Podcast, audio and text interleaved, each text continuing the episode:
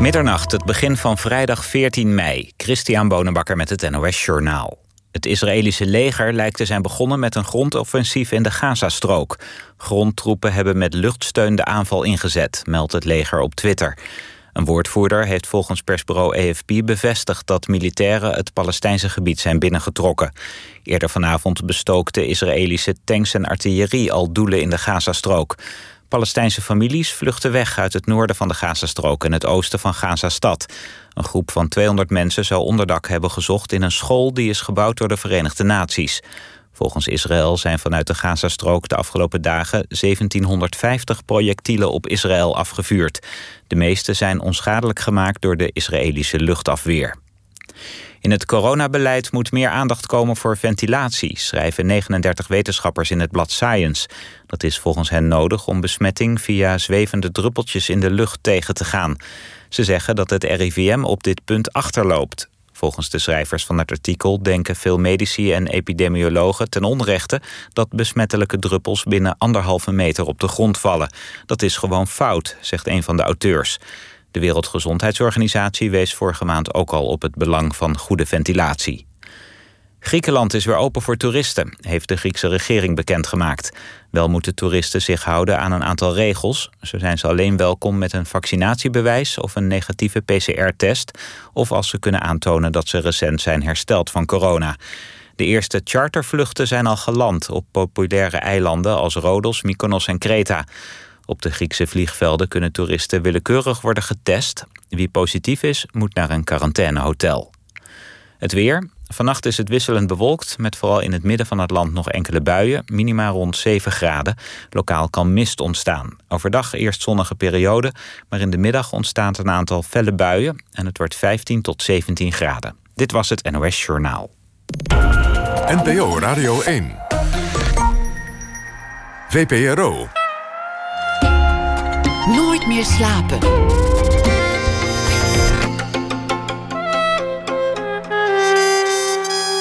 Met Pieter van der Wielen. Goedenacht en welkom bij het Nooit meer slapen programma van de VPRO. Het is als een uh, walk of fame, de cartouches, de namen aan de wand van de zalen van het concertgebouw. God, als we daar nou eens weer uh, heen zouden kunnen. Het concertgebouw.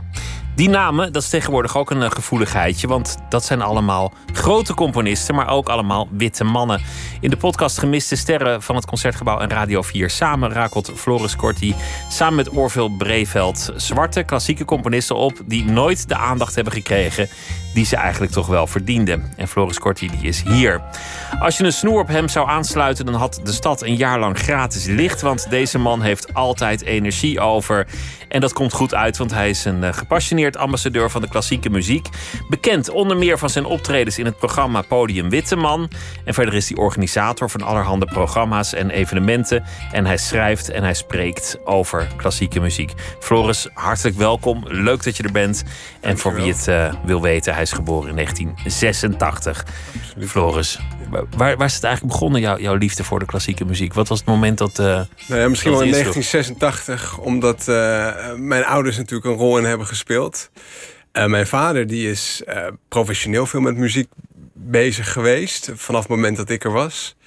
vooral met zingen. Hij is stembevrijder. Hij heeft veel koren gedirigeerd. Wacht, wacht, wacht, wacht. Wat, wat is hij? Stembevrijder? Ja, hij noemt zichzelf stembevrijder. In, in de tijd dat ik geboren werd, begon hij in Amsterdam aan een muziekpakhuis, muziekpakhuis met een cursus badkamer zingen omdat mensen in een badkamer, dat zal veel mensen wel herkennen, vrij uit zingen. In een badkamer, daar laat je, daar kun je lekker galmen, daar laat je horen. En hij wilde mensen laten zingen zoals ze in een badkamer zouden zingen. Nou, en dat is in, uh, in ruim 30 jaar eigenlijk uitgegooid tot een hele filosofie, een, eh, een, een gedachtegoed over zingen. En hij noemt zichzelf stembevrijder. Hij is stembevrijder, leidt andere mensen op. De psychologie van het zingen. Ik moet denken aan die film van Woody Allen... waar een man alleen onder de douche goed kon zingen... en daarom uiteindelijk de opera haalde... maar dan wel met een, een, een douchecabine op het podium. Ja, nou ja, mijn vader probeert mensen mentaal in een douchecabine te plaatsen zodat ze vrijheid kunnen zingen. Maar hij is dus altijd met muziek bezig geweest. Uh, maar, maar noem eens een voorbeeld waarin iemands stem bevrijd moet worden en dat, dat iemand dan bij jouw vader terechtkomt. Nou, ik denk dat de, de meeste van ons uh, niet makkelijk zingen. Omdat we zijn natuurlijk gewend dat zingen iets is wat je doet omdat het mooi is. Omdat anderen er meteen plezier aan moeten beleven. Het is in onze... Ik heb wel eens mensen meegemaakt die, die zich wonderlijk genoeg daar heel makkelijk overheen konden zetten. Gek genoeg. Die dachten, nou, iedereen wil dit horen. Met name straatmuzikanten, die uh, schijnen daar weinig drempels in te ervaren. Ja, maar, maar, voor de meeste mensen bestaat er wel schroom. Ja, ik weet niet of jij dat zelf... Zing jij makkelijk? Nee, nee, nee. nee. Nee, nou ja, ik, ik zelf ook niet hoor. Dus ik ben ook als, als zoon van een stembevrijder zelf nog niet helemaal nog losgekomen. Niet helemaal vrij, nee. Um, maar ik denk dat het, dat het, het, het heel ja, bevrijdend kan werken. Nou, ik weet wel, als je zingt, wanneer je dat doet, zeker als je het normaal gesproken niet doet, komt er wel meteen wat los. Of je voelt er meteen of ongemak bij, of juist een enorme kracht om dan wel te kunnen zingen. Dus ik, ja, wat ik ook zelf heb gezien van workshops die hij geeft, of, of avonden mantra zingen, is dat ja, wanneer mensen gaan zingen, laten ze iets van zichzelf zien, komt er iets bijzonders naar boven. Um, gebeurt er meteen iets. Zeker als ze dat normaal gesproken niet doen. Ik heb een keer mijn vader aan het werk gezien op een congres uh, voor de intensieve landbouw. En dit was een, uh, een, een speciale lezing voor uh, varkensboeren. dus mensen met megastallen, intensieve veeteelt. Dat waren stuk voor stuk mannen, allemaal een beetje gezet. Een bepaald slag, een beetje nors, nuchter. En mijn vader die heeft daar een, die had in die tijd een soort act waarin hij dan zo'n heel congres ging verleiden om te gaan zingen. En die heeft daar 500 varkensboeren laten zingen. En dat was onvoorstelbaar. Dus, eh, op, op drie na die achterin zaten, die dachten ik doe niet mee. Zongen ze allemaal. Hadden ze de moed ineens gevonden en het vertrouwen en... Ja, en, ja, en, en klonk, ik stond klonk het ook nog ergens naar? Nou, het was wel uh, indrukwekkend. Ja. Er is niet meteen een plaatopname van gemaakt, maar het was wel... Uh, ja, het was, het, was, het was wel groot, ja. Ik heb wel eens gehoord van een, van een operazangeres die zei: Het belangrijkste bij het halen van een noot is dat je denkt dat je hem gaat halen. Zodra je denkt: Ga ik die noot wel halen, dan weet je zeker dat je hem niet gaat halen. Terwijl als, als die eigenlijk buiten je bereik zou liggen, normaal gesproken, en je hebt gewoon vertrouwen dat, dat die komt, dan zal die meestal ook wel komen. Dat vond, ja, en, en waarschijnlijk begint dat dan ook met uh, jezelf voorstellen dat je hem raakt. Of zien, je moet hem misschien al zien en er dan naartoe zingen. Maar goed, dat je het visueel maakt. Ja, dat is, dat is natuurlijk dat, dat, is vaak wel zo dat als je, als je iets voor elkaar wil krijgen, helpt het wel als je het, uh, als je het ook voor je ziet. Daar geloof ik wel in. En je moeder, wat, wat, wat doet je moeder eigenlijk? Die um, is ja, rouwbegeleider, zou je kunnen zeggen. Ze werkt uh, um, voor, voor Humanitas, een maatschappelijke organisatie, uh, waar uh, zijn project begeleid uh, voor partners van dementerenden. Dus mensen die geconfronteerd worden met een uh, geliefde die langzamerhand uitvalt. Dus ook afscheid aan het nemen zijn. Die afscheid aan het nemen zijn, precies. die koppelt zij aan vrijwilligers in, in, in, in de Zaanstreek in, in Noord-Holland. Um, dus die, die, die heeft een achtergrond in de psychologie, in de jeugdhulpverlening. Nuttig werk lijkt me dat. Dat denk ik ook, ja. En, was het dan ook zo dat, dat, dat jij thuis makkelijk met je emoties terecht kon? Als, als je, je ouders allebei zo'n sociaal beroep hadden? Ja, zeker. Er, er is bij ons geen uh, schoon om over emoties te spreken. Ik merk het ook altijd wel als er... Um, zowel mijn zusje als ik, als wij onze partners mee naar onze ouders nemen... zijn soms wel een beetje verbaasd dat het, het gaat veel over gevoelens. Ja, hoe voel je erbij? Is dan een hele normale vraag. Dus uh, ja, nee, er is bij ons. Uh, dat, dat, stroomt wel, ja. Als iemand vraagt hoe voel je erbij, dan voel je ook ineens iets erbij. Terwijl je al die tijd daarvoor het gewoon als een feitelijk proces hebt ondergaan. En nog niet eraan toe was gekomen dat je er ook nog ja, je gaat, door iets bij kon voelen. Pas reflecteren vaak als iemand aan je vraagt: ja, hoe, uh, ja, hoe voel je? Waar de vraag uit volgt of het wel verstandig is om die vraag te stellen. Um, In zekere zin. Ja, ik denk dat het meestal wel goed is om even, in ieder geval in de, de veilige omgeving van, uh, van, de huiselijke sfeer. Van, precies, van het ouderlijk huis. Om daar even stil te staan bij hoe je je voelt. Ja. Je hebt hele andere dingen gestudeerd. Je bent niet naar het conservatorium gegaan of, of een, een carrière geambieerd in de muziek of, of al dat soort dingen. Terwijl het nu zo heel erg bij je werkende leven hoort. Ja, het was ook het, het was niet aan de orde om naar het conservatorium te gaan. Ook omdat ik gewoon nooit de, de discipline heb gehad om echt te studeren. Ik speelde wel piano. eh, heb dat met heel veel plezier gedaan. Heb jarenlang pianoles gehad. Was je goed? Nee, niet exceptioneel. Nee, ook niet, ook niet slecht. Maar niet, eh, niet zodanig dat iemand in mijn omgeving überhaupt geopperd heeft van... goh, Daar moet je iets mee doen. moeten doen. Ik heb wel op de middelbare school, eh, dat was erg leuk. daar hadden ze een muziekklas. En dan kreeg je extra muziek ten koste van je gymlessen. Oh, dat zou ik ook altijd ja, dat vond ik meteen een doen. fantastische rel. Ja. Ehm, dus ik heb op de middelbare school ben ik wel veel met muziek bezig geweest. Ik ben daarna accordeon gaan spelen. Heb wel in wat kleine beentjes gespeeld. Eh, maar conservatorium was niet aan de orde. Geschiedenis vond ik het leukste vak op de middelbare school. Dus eh, dat, werd, eh, dat werd een studie kunstgeschiedenis. Wat ik met name ja, de, de, de kunstgeschiedenis aansprekend vond. Maar goed, dat beklijfde ook niet. Ik vond dat studeren, ook daar had ik niet echt het, het- het doorzettingsvermogen voor. En, of het en voor mensen die daar, en dat gebeurt vaak, gemakzuchtig over denken. Kunstgeschiedenis is verdomd hard, hard werken als je dat gaat studeren. Ja, het, het, het moeilijkste en eh, het leukste zijn de, eh, het stampen van allemaal schilderijen, beeldhouwwerken, eh, architectuur.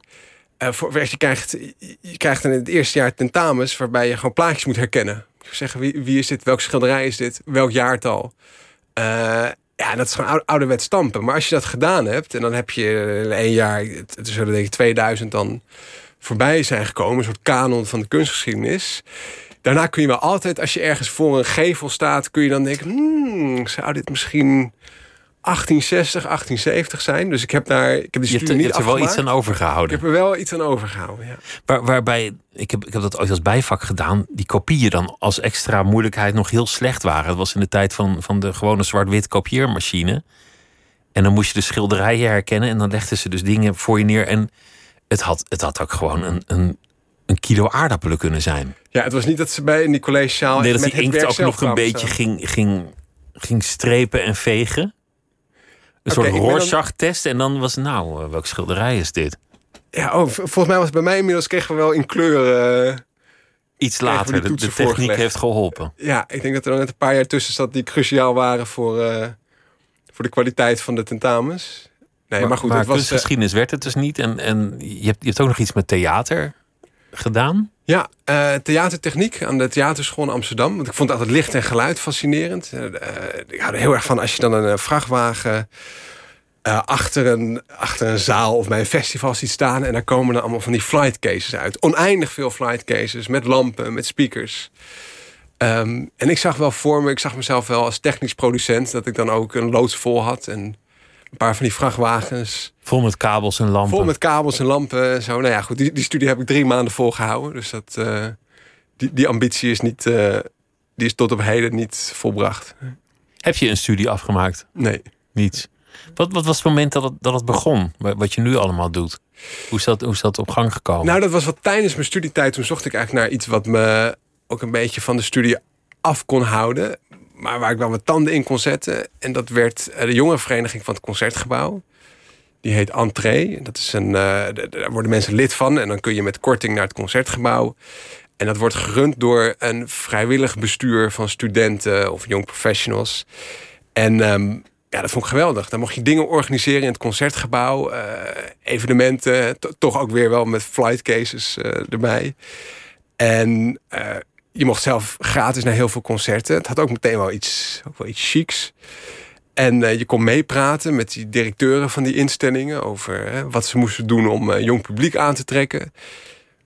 Dus eh, daar had ik toen voor gesolliciteerd. Daar werd ik voor aangenomen. En daar heb ik toen een paar jaar lang heel erg veel tijd en energie in gestopt. En toen gaandeweg raakte mijn studie een beetje op de achtergrond. Dat enthousiasmeren, dat, dat is wel iets wat, wat bij alles wat jij doet hoort. Dat is, dat denk ik wel een van de kerncapaciteiten die jij eh, meebrengt bij alles wat je, wat je aanpakt. Maar dit is natuurlijk wel een grote opgave. Jongeren naar het concertgebouw lokken, dat was. Volgens mij gaat het nu een stuk beter. Ja, nou het laatste jaar helemaal niet, maar toen, toen het nog liep. Maar een jaar of twintig geleden was dat, was dat ineens de grote zorg. Van, nou ja, de laatste doet het licht uit. Het is misschien ook wel al nog ver daarvoor al een zorg in de klassieke muziek dat die vergrijst. Misschien is dat ook wel een. eh, Iets dat er gewoon bij hoort. Ja, al net zo oud als die, eh, als die muziek zelf. Ehm, ik heb wel het idee dat, dat, dat er veel jonge aanwas is. Dus ik maak me daar niet zo heel erg zorgen over. Entree uh, heeft nu geloof ik 7500 leden.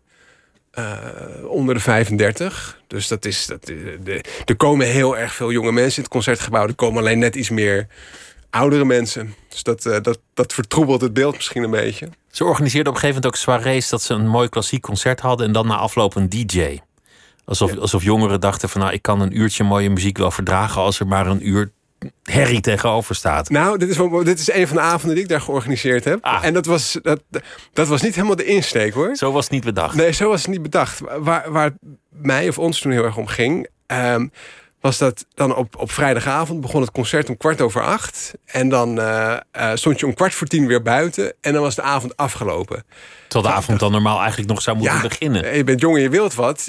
Dat je om acht uur daar al zit is al een, al een wonder. Maar om tien uur dan begint het pas. En ik dacht, die, die, we, we, moeten dat meer koppelen. Het concertgebouw moet ook een plek zijn waar je uitgaat. Waar je de nacht in gaat. En... Um, ik geef wel toe, we hebben, in, zeker in het begin van die avonden stond wel het volume van die DJ zo snoeihard.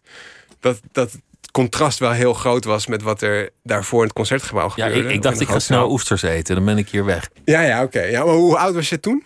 Nou ja, ik ben altijd oud geweest volgens mij. Dus ik weet het niet meer precies. Maar hoe lang is het geleden? Tien jaar geleden of zo? Ja, zoiets. Ja. ja. Misschien viel je toen net buiten onze, uit onze doelgroep. Ja. ja. Het idee was ook, en dat lukte ook wel, dat je juist mensen... dat je om elf uur s avonds naar het concertgebouw gaat. Er zijn natuurlijk vroeger ook heel vaak uh, nachtconcerten geweest. Gebeurt ja, sporadisch nog wel. Dat, dat is een leuke traditie. Ja. ja in de zomer doen ze dat, uh, doen ze dat volgens mij wel. Vaak, vaak jazzconcerten. Uh, gewoon om 11 uur s'nachts of 11 uur s'avonds beginnen en dan tot 1 uur door. Ja, en dat was een beetje het gevoel wat we, wat we ook wilden. Maar het was inderdaad wel een contrast met. Oh, in ieder geval voor veel bezoekers was dat ook wel een heftige ervaring. Dat ze dan de grote zaal uitkwamen lopen. En dan stond daarna een soort jeugdhonk opgesteld. Maar die avond was ik, ik vond dat wel. Um, ik vond dat wel een stap in de goede richting. Dat je, dat je er een ander soort belevenis van maakt dan het klassieke format van we gaan zitten, we klappen, iemand komt op en, uh, ja, en dat luisteren. Ook, ja, en dat het niet alleen even keurig om acht uur een uurtje muziek is, maar dat het echt uh, dat het onderdeel is van, uh, van je vrijdagavond. Dat je, dat je vrijdag ja, met, met, met een fantastisch symfonisch concert begint. En dat je dan nog aan de bar blijft hangen. En dat je om één uur s'nachts nog staat te dansen in de entreehal van het concertgebouw. Als je het zo zegt, klinkt het, klinkt het inderdaad heel leuk. Is dan, als jij zo'n baan hebt of een project, is dat iets waar je volledig in verliest in je enthousiasme? Kan je het doseren? Ja, vroeger minder goed dan nu. Ik hoop dat ik dat nu beter kan. Uh, maar de lol zit hem er vaak ook wel in dat je er juist je heel erg in verliest. Dat je er, dat, dat je er helemaal in ondergaat. Ja, dat je er volledig uh, in onderdompelt. Dat je er de hele dag door aan het denken, over aan het denken bent. Dat je uh, daarover fantaseert. Um, ja, dat je daar helemaal voor gaat. Ja. Maar je bent je er ook wel eens echt in verloren. Dat, dat je tegen een soort burn-out-achtige situatie aan uh, knalde. Ja, ik heb het wel twee keer gehad. in beide gevallen um, geen zware burn-out. Je hebt natuurlijk ook mensen die tientallen jaren dat opbouwen en dan vervolgens echt bijna suicidaal zijn of echt jarenlang moeten herstellen. Ik, heb dat, ik ging beide keren wel vrij snel uh, ten onder en kon dus ook wel redelijk snel weer uh, erbovenop komen. Maar dat was gewoon een kwestie van ja, je er ja, net een tandje te veel in opgaan, daar niet. Uh, niet kunnen matigen. In niet kunnen matigen, gewoon grenzeloos doordraven een beetje te veel surfen. Het kan heel lekker zijn als je met dingen bezig bent en je hebt het gevoel van dit gaat goed en uh, ik heb wat te pakken. Als je daar te veel op surft, als je dat de hele tijd in je hoofd blijft herhalen, als je daar maar dat, dat, die kick blijft oproepen, ja, op een gegeven moment put je dat gewoon uit. Wat gebeurt er dan? Hoe ziet dat eruit? Huilen. Um, Zomaar de hele dag? Ja, gewoon uh, ja, ouderwets instorten. Uh, huilen, moe zijn, um, neerslachtig. Nergens meer energie voor hebben. Uh, niks meer aankunnen. Dat als je, als je op één dag probeert zowel uh, boodschappen te doen... als ook nog met iemand wat af te spreken... dat je daar al, uh, dat, je dat al niet aan kan. Um, dat je op, ook heel erg gaat verlangen naar heel simpel werk. Want je, je bent een van beide keren ook op een boerderij gaan werken in, in Frankrijk. Ja, dat is ook perfecte therapie en ook echt waar je daarnaar verlangt. Wat, wat moest je daar doen? Ja, uh, onkruid wieden, mes scheppen. Dus, uh, het was een kleine biologische boerderij, dus er kwam van alles voorbij. We hebben ook kippen geslacht en hekken gebouwd. En ja, allerhande hand- en spandiensten op de boerderij. Maar dat is dan de perfecte fysieke arbeid. Ja. En, en, dat is een goede manier ja. om. Ja, die tweede keer weet ik dat, ik, dat ik toen dacht: Oh, wat zou ik graag willen vakken vullen. Toen ben ik gewoon bij de supermarkt aangemeld om vakken te gaan vullen. Omdat dat gewoon precies was waar ik. Uh... Want er moet iets gebeuren. Je hebt energie, maar dat hoofd dat stroomt over. Dus dan maar iets waarbij je dat hoofd eigenlijk gewoon uit kan zetten. Nou, het ook als het dus mis is gegaan, dan heb je op dat moment echt zin in het allersimpelste van het simpelste. Uh, dus dan wil je niet iets waar je... Je wil geen verantwoordelijkheid. Je wil niet iets waar je enorm over na moet denken. Je wilt gewoon heel simpel werk. En dan langzamerhand, als je weer ietsje beter wordt... dan merk je dat er weer verlangen terugkomt om iets anders te gaan doen. Is er op die moment dat, dat, dat je echt op de bodem ligt muziek? Mm, nou, die, die muziek is mij meer op het moment dat ik op mijn toppen zit. Dan, de, de bodem bestaat meer uit stilte. Ja, ik zit te denken, heb ik in die tijd veel muziek geluisterd? Nee, ik heb volgens mij niet veel muziek geluisterd. Ik, ik zie wel voor me hoe ik juist in die periodes daar vlak voor, eigenlijk vlak voordat het misgaat, dat je helemaal uh, ja, gewoon een beetje opgestegen bent, dat je een beetje high bent. Dat ik dan, uh, dat ik dan oneindig de hele tijd maar muziek blijf luisteren om weer zo'n kick op te roepen. Dat je dan staat te dansen in je woonkamer. Dat je gewoon, je bent een klein beetje, het is een soort lichtmanisch gedrag. Want je loopt op adrenaline, wat eigenlijk gewoon reserve-energie is. Ja, je bent je gewoon jezelf helemaal aan het oppompen. Je bent heel hard aan het rijden terwijl dat lampje al best een paar kilometer brandt. Ja, ja en je denkt, ja, ik zeg me voor dat het echt verschrikkelijk goed gaat. En dat iedereen die er iets van zegt, dat die het gewoon niet begrijpt. Of dat die het geluk misgunt. Um, maar goed, als je dat twee keer gedaan hebt, dan, dan weet je wel. Dat klinkt bijna keer... bipolair wat je, wat je nu vertelt. Ja, ik, ik ben niet gestudeerd, ja. dus maak je geen zorgen. Als ik dat zeg, betekent ja. dat niks. Maar... Nee, ik heb me dat zelf, mezelf ook wel afgevraagd: van, is, dat, is dat bipolariteit? Maar dat is, uh, dat is het niet. Bipolariteit is een veel verdergaande vorm hiervan. Ik maar denk, goed, je, ik denk piek, dat het. Pieken en dalen, laten we het dan. Ja, ik, ik denk dat bipolariteit wel een schaal is. Hè? Dat je mensen hebt die van nature wat vlakker zijn en mensen die. Uh, uh, zo, noem je dat, gewired, die zo ingeregeld zijn dat ze enorme uitschieters hebben. En uh, ik denk dat ik daar ergens tussenin zit, maar wel, ik heb ook wel die, die golven. En dan is het goed om te proberen als je, ja, dat is net als met de economie, als je in een hoogconjunctuur zit, eh, is het beter om de, de bestedingen van de overheid wat omlaag te brengen, om de boel wat te kalmeren. Hetzelfde is het goed als ik op die manier probeer mijn golven wat, ja, wat te breken je moet je dak repareren als de zon schijnt.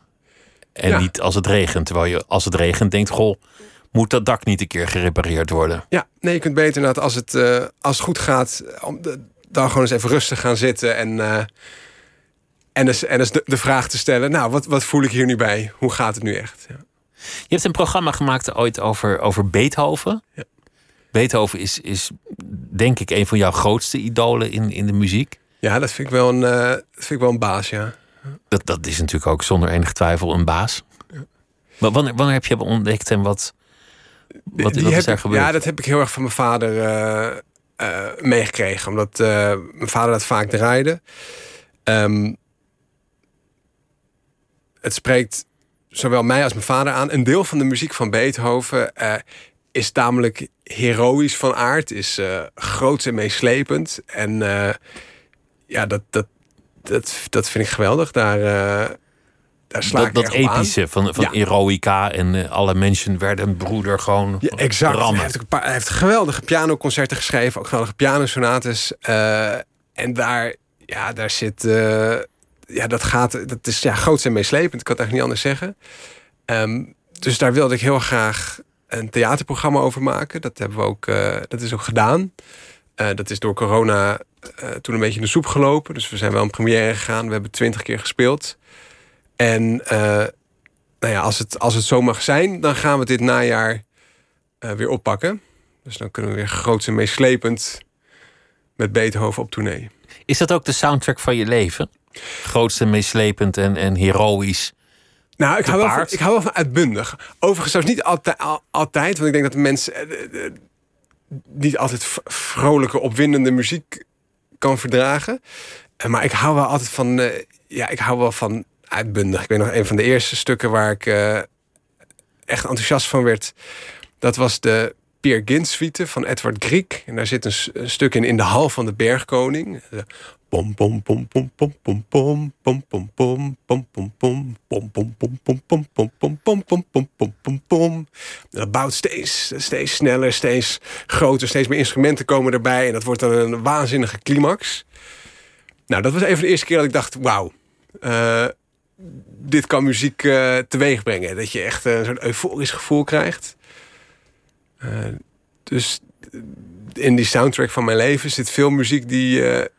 die uit, uitbundig is. Groots. Die groots is, ja, absoluut. Het verlangen om groots en meeslepend te leven dus ook, eigenlijk. Ja, ja dat denk ik wel. Ja. We gaan een ander stuk muziek luisteren. Dit is iets, ik had hier nog nooit van gehoord, maar dat is ook precies het hele betoog. En, en jullie hebben met een podcast een, een hele reeks fantastische componisten opgediept, waar veel mensen nog nooit van hebben gehoord en eigenlijk wel gezien de kwaliteit van hadden moeten kunnen horen. En jullie gaan proberen om die mensen weer onder eh, de aandacht te brengen. En de reden dat je er misschien niet van gehoord hebt, is omdat het geen van alle witte mannen waren. En dat is toch in de klassieke muziek zo'n beetje wat ze allemaal gemeen hebben: dat het witte mannen waren, de grote componisten. En we gaan luisteren naar dit stuk van eh, Florence Price. Wil, wil je daar iets over, over vertellen van tevoren? Of kunnen we gewoon meteen luisteren? Eh, wat jij, ja, ik, ik, ik moet altijd denken aan een geweldige cartoon van Gumba. eh, over, over dan zitten ze naar zomergasten te kijken. En dan krijg ik ook de vraag: wil je, het, wil je het fragment nog inleiden? En dan zegt diegene: nee, laten we er eerst naar kijken. En dan zit het mannetje van Gumba zit dan voor de televisie te schreeuwen: nee, eerst inleiden. Eh, maar ik, ik denk dat we hier gewoon wel prima naar kunnen luisteren. Gaan we doen.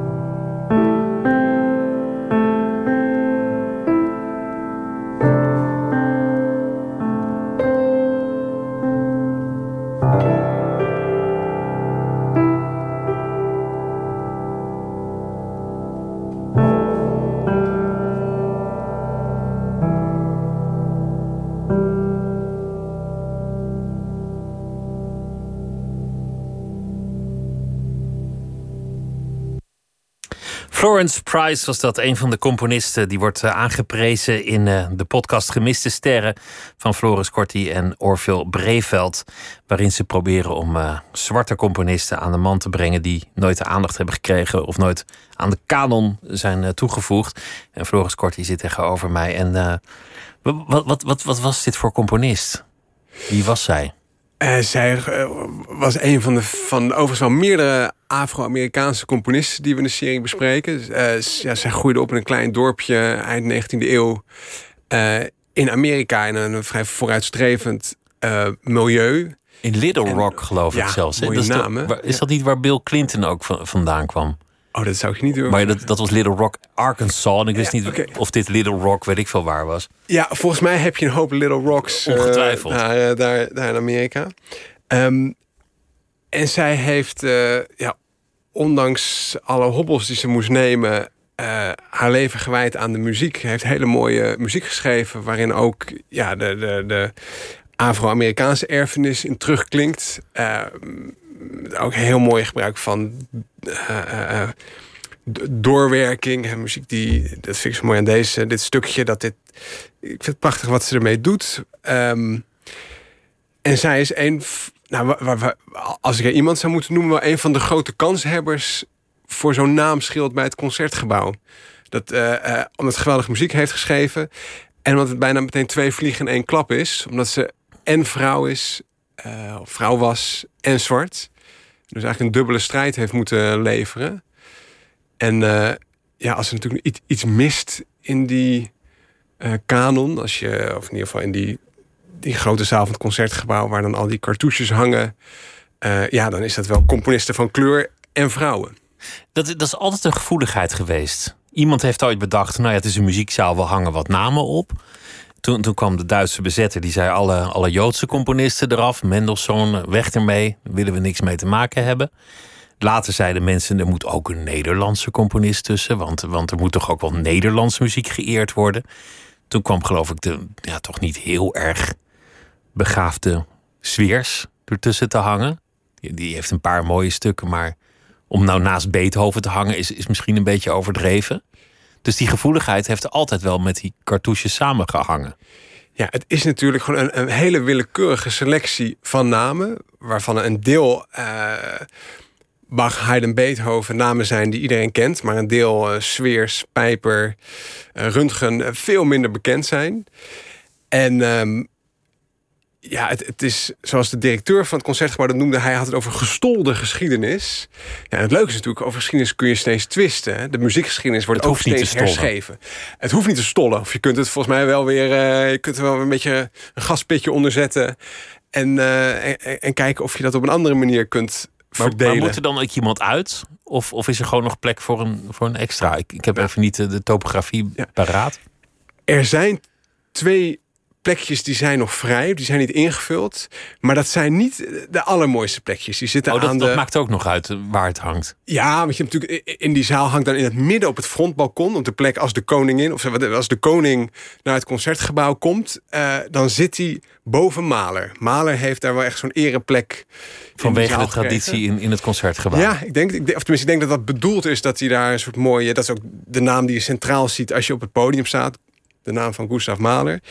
Ehm, aan de zijkanten van de zijbalkons, daar zijn nog vlakjes leeg. Eh, ik denk dat die leeg gehouden zijn omdat dat niet echt eh, in het oog springende plekken zijn.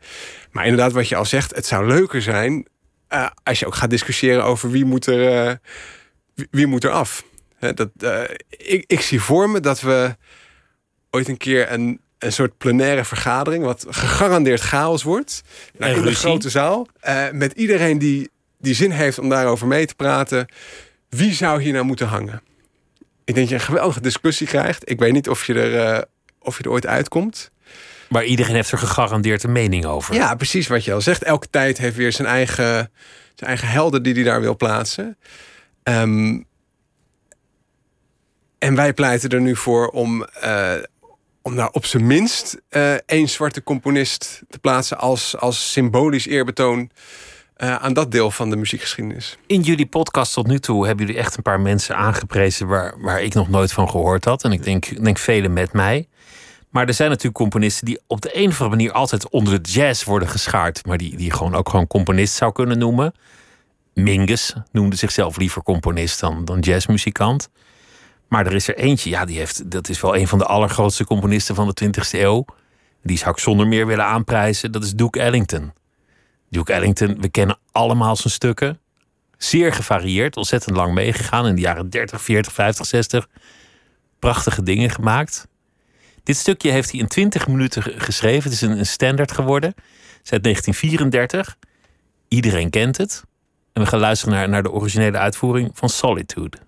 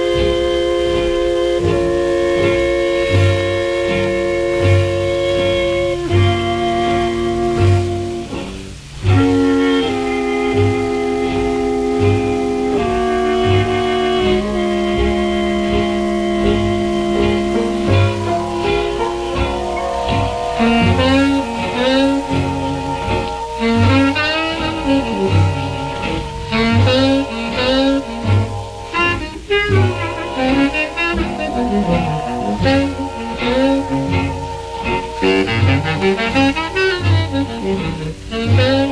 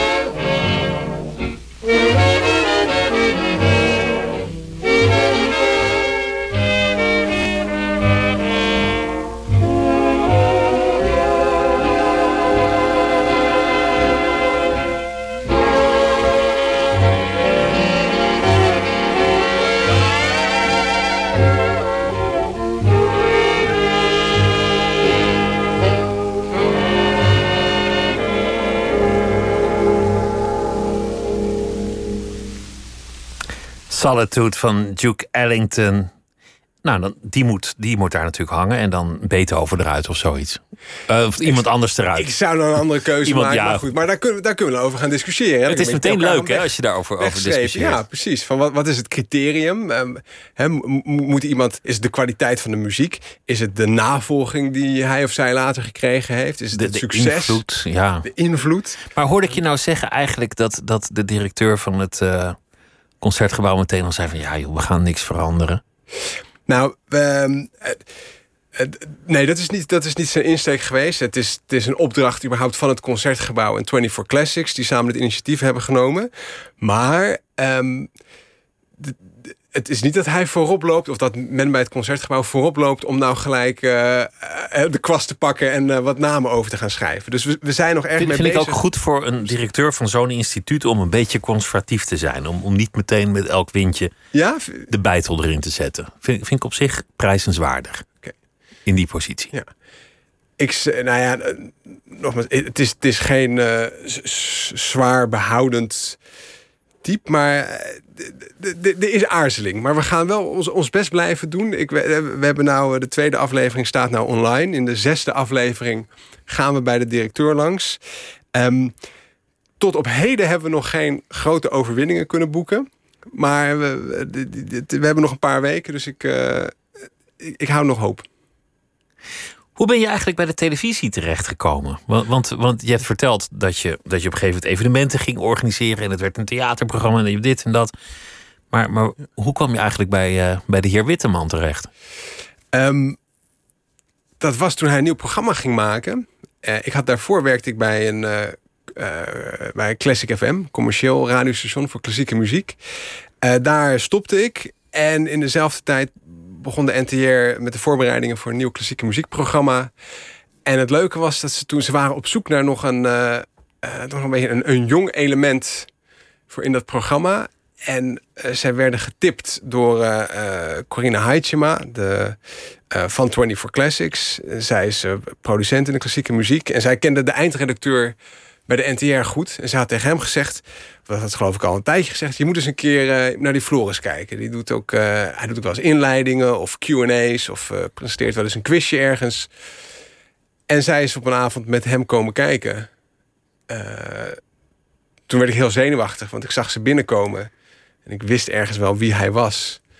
Eh, dus ik wist, nou, oh god, ze, ze komen scouten. Oh, dat is die man van de tv. Dat is een man van de tv. En ik had dat Hier wel, hangt eh, iets vanaf. Ja, hier hangt iets vanaf. En het was een hele rommelige... Het was in een, eh, in een café en ik moest daar een klassieke muziekquiz doen. En het, was, het liep helemaal niet lekker.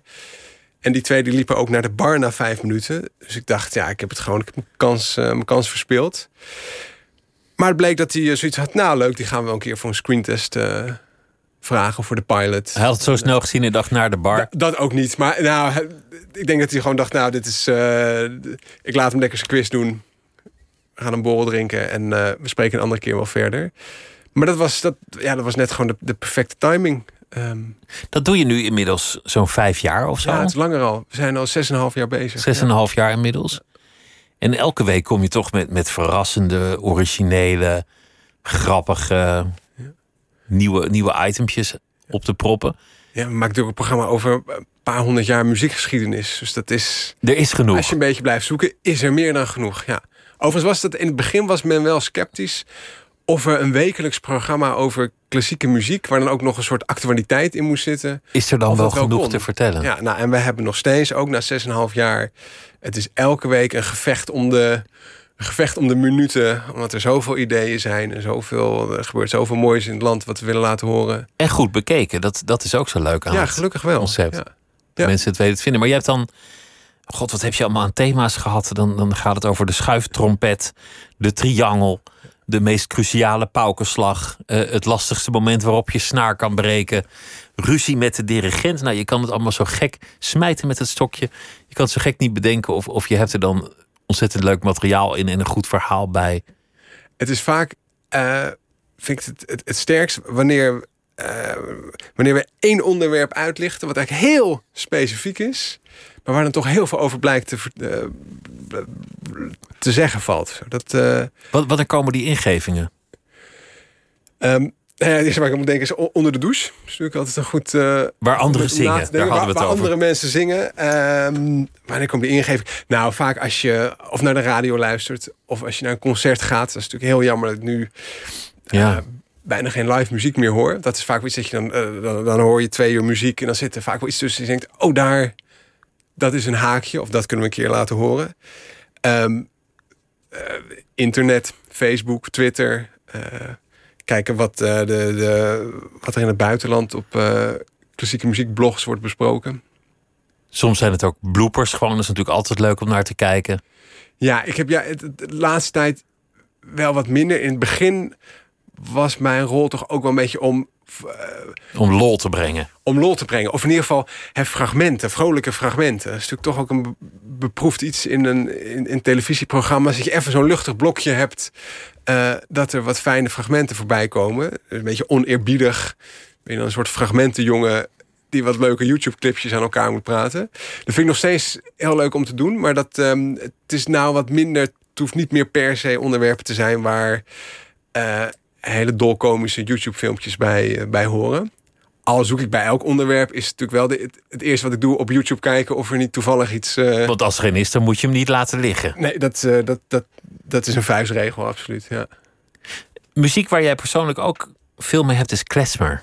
Ja, dat vind ik geweldig. Waar, waar, waar, komt dat vandaan? Ik bedoel, waar komt niet de klezmer vandaan, maar waar komt jouw liefde voor klezmer vandaan? Ja, die is een beetje uit de lucht komen vallen. Want ik denk dat ik dat hoorde zo'n jaar 15, 16 geweest zijn, 17. Misschien was dat wel toen ik accordeon begon te spelen. Ik, ik speelde vroeger piano en ben dus op een gegeven moment uh, ook accordeon gaan spelen. En ja, ik ontdekte die muziek en dat is zo de, de, dat, dat opwindende gevoel dat je iets heel nieuws ontdekt, wat je geweldig vindt. En dat je dan uh, in de CD-winkel het hele vakje klezmer wil gaan uitspelen. Um, dat, dat eigenlijk jammer dat op een gegeven moment heb je al heel veel gehoord en heb je minder die, die sensatie van echt iets ontdekken wat je, waar je meteen zo uh, vol van raakt. Uh, maar ik ontdekte ja, een Amerikaanse uh, je Klezmer Revival Band. Je hebt de Amsterdam Klezmer Band. die vond ik fantastisch. Verwant daaraan met de Oost-Europese volksmuziek, de Balkanmuziek. Ja, dat was echt een... dat je opeens iets, dat je iets aan dat je dan probeert een olieveld te vinden of zo. En dat in één keer spuit zo die olie eruit. Van al die muziek is zo fantastisch. En als dat, het is ook hele, natuurlijk eerder over, het is hele vaak uitbundige muziek. Het is vaak feestelijke muziek waar ook meteen ook juist iets verdrietigs in doorklinkt. Het heeft een hele mooie mix tussen. Ja, dat, dat vind ik aan zo'n stuk van Eddington zo mooi. Solitude. Ja. Het, het is een verdrietig liedje, maar er zit ook een soort vreugde in. Ja. Iemand, iemand weet, dit komt wel weer goed. Of iemand berust erin, hoe je het interpreteert. Maar, maar dat, dat vrolijk en verdrietig hand in hand gaat. Dat is in Klesmer bij uitstek ook altijd zo. Ja, maar dat is mooi hè. Als het, uh, als het vrolijke ook een traan heeft. Zo, en als het, uh, ja. Ja, als, het, als het verdriet ook toch een beetje blijmoedig wordt gepresenteerd. Ik zag ook een filmpje waarin je zelf meezong. Een, een liedje van, van Boudewijn de Groot. Ja, met de over, over het strand, met de Amsterdam Klesmer Band. Dat is voor mij dat was wel een. Uh... En, en dat, dat deed je virtuoos. Die, die enorme lap teksten precies in de maat goed uitkrijgen. Daar heb ik wat, wat meehielp, is dat ik op de middelbare school altijd al goed was in gewoon Franse woorden SO's. Gewoon in, in het stampen van teksten. En ik vond het een, echt een leuke uitdaging om die onnavolgbare tekst van Strand. Uh, om die uit mijn hoofd te leren. En ja, omdat met de Amsterdam Clash Band, bedoel, waar ik als want je, als, als had het leukste bij hun concert uh, vooraan. Hè? Dus ja, om dat met hun te spelen, dat was wel... Uh... Maar die weet je vast nu niet meer, dat, dat couplet. Ja, ik wist het tekst. Nee, maar dat is, aan de, dat is aan de rand van Nederland, aan ons onvolprezen strand. Dat is eigenlijk het enige wat nog is blijven hangen. En dan weet iedereen het ook wel weer van, oh ja, daar, daar gebeurde iets. Hoe zat het ook alweer dat je op je bek werd geramd omdat ja, je naar iemands meisje keek? Je, komt, het is, uh, je loopt met je, met je tanden in je hand en een flesje never. Uh, in je mik loop je dan weer verder over het strand. Het is een hele vrolijke, vrolijke tekst. Het gaat verder natuurlijk inderdaad alleen maar over een beetje puinzooi trappen op het strand. Uh, Boudewijn de Groot vind ik trouwens ook. En uh, Lennart Nijg, die veel van zijn teksten geschreven heeft. Ja, dat is ook fantastisch. Ook, vind ik ook geweldig. Ja. We gaan een stukje Klesmer luisteren. Ja, graag.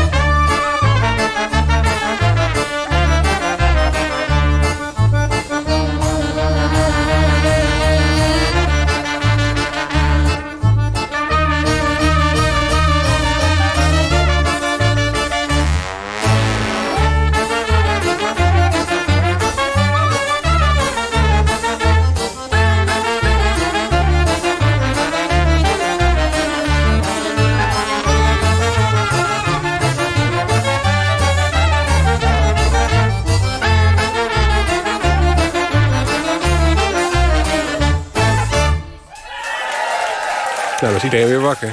De Amsterdam Klezmer Band was dat. Ja, dit, dit is heerlijke muziek natuurlijk. Ja, ik heb, ik heb hem ooit gehoord op de Aprilfeest in Amsterdam, op de Nieuwmarkt. Dus dan uh, rond, rond Koningsdag uh, heb je daar een paar van die tenten die daar worden opgebouwd.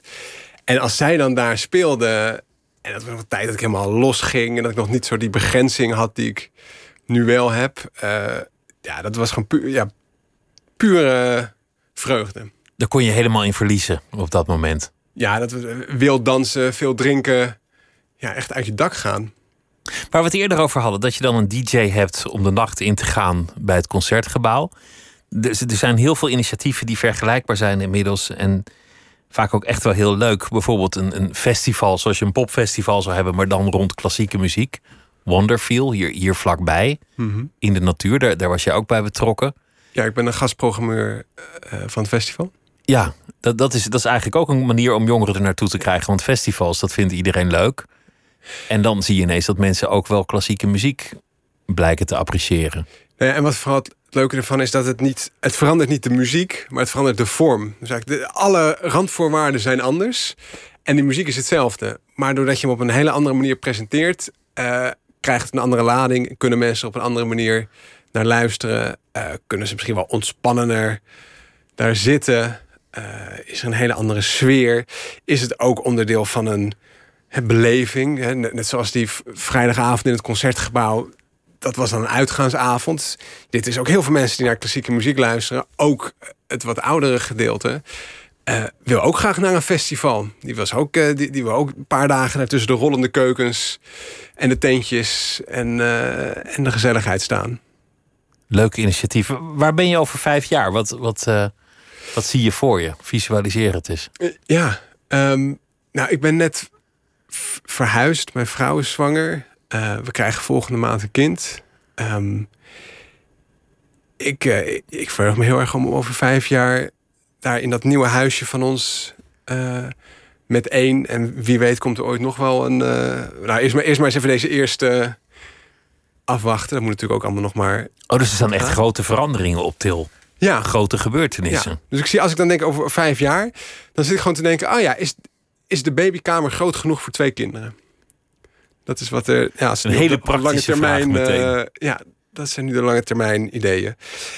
En... Um, ik zou nog wel zoals ik uh, dus dat theaterprogramma over Beethoven heb gemaakt. Uh, wat ik geweldig vond om me daar een paar jaar lang mee bezig te houden. Echt uitgebreid research te doen. Uh, Zo'n zo programma in elkaar te zetten. Met een regisseur daaraan te werken. Um, dat zou ik nog wel een keer willen doen. Ik weet niet of dat dan in de vorm van een theatervoorstelling... of misschien een podcast of een televisieserie. Maar dan weer over Beethoven of over nee, een ander nee, nee, onderwerp? Nee, over Beethoven. Nee, dan zou het iets, een ander onderwerp moeten zijn. Maar gewoon dat je iets met... Ja, ook wel weer dat je je ergens helemaal induikt. Misschien zonder jezelf daar al te veel in te verliezen. Maar dat je iets met heel veel zorg... Uh, iets heel erg moois probeert te maken. Er zijn genoeg onderwerpen, genoeg briljante componisten... mooie muziekstukken, ja, nou, geschiedenissen. Ik ben, deze, ik ben deze zomer gefascineerd geraakt... door eigenlijk de geschiedenis van het christendom. Um, oh, een lekker ja, groot onderwerp. Ja, precies. Dus ik heb daar voor de komende vijf jaar... Uh, heb ik daar nog wel genoeg, uh, genoeg over te lezen. Maar ik zou me kunnen voorstellen dat daar... Dat is me toch ook een mal verhaal allemaal. Dus daar zit... Uh, nou ja, het is net, net geen hemelvaartsdag meer. Maar daar ben ik ook... Dat is met deze... Het afgelopen jaar heeft me dat erg bezig gehouden. En ik zou daar ook nog wel eens iets moois omheen willen bouwen. Met muziek, want dat is natuurlijk allemaal aan de hand van muziek prachtig te vertellen. Ja, is natuurlijk, wat me met name er zo aan, aantrekt, is dat het zo bepalend is geworden voor de westerse kunstgeschiedenis, voor de muziekgeschiedenis. Dat is zo nog zo doordrenkt. Maar ook op zo'n dag als, als vandaag, dan dat je eens rondloopt, dat je het, god, dit is dus een vrije dag. Omdat het vandaag de hemelvaart geweest zou zijn van ene Jezus uit Nazareth. Ja, het is toch wonderlijk dat dat zo enorm nog in ons leven nu nog doorwerkt. En dan is volgende week of de week erop is het Pinksteren. En, en volgens mij, als je aan de meeste mensen vraagt van wat gebeurt er nou precies op Pinksteren, dan, dan zullen veel mensen toch niet precies weten. Ja. Iets met een vlammetje en het, Ja, de heiligheid daalt neer, maar verder kom je toch eigenlijk niet. Nee. En toch zijn dat nog... Van mijn Pinkster is ook een vrije dag, toch? Zeker, volgens mij wel vijf vrije dagen, toch? Of, of hoe zit dat eigenlijk? Ik, eh, ja, ik ben, het, ik ben ZZP'er, dus ik, heb Ja, helaas- ja. ik, ik deel niet in die vreugde. Ik probeer Maar- ook altijd door te gaan. Maar Ja, ik, ik werk dan wel door, maar de, ja, of, of gewoon überhaupt hoe, hoe, de hoe het kruis zo'n sterk symbool is geworden. Nou, dat vind ik, daar, ik denk, daar, daar zou ik nog wel een keer een, eh, een serie over willen maken. Dat lijkt me een goed idee. Het was leuk dat je langs wilde komen. En ik wens je ontzettend veel eh, plezier en geluk en succes. Floris Korti, dank je wel. En de podcast waar we het over hadden, Gemiste Sterren... die is eh, te zien onder meer via de site... of te luisteren via de site van eh, NPO Radio 4... en ook via de gebruikelijke podcastkanalen. Dank je wel en tot de volgende keer. Fijn u te zijn. En dit was Nooit meer slapen voor deze nacht. Ik wens u nog een hele goede nacht.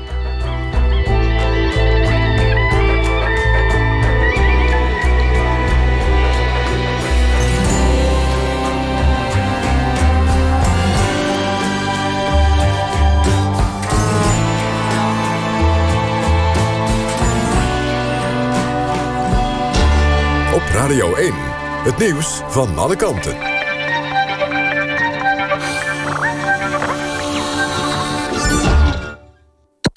NPO Radio 1.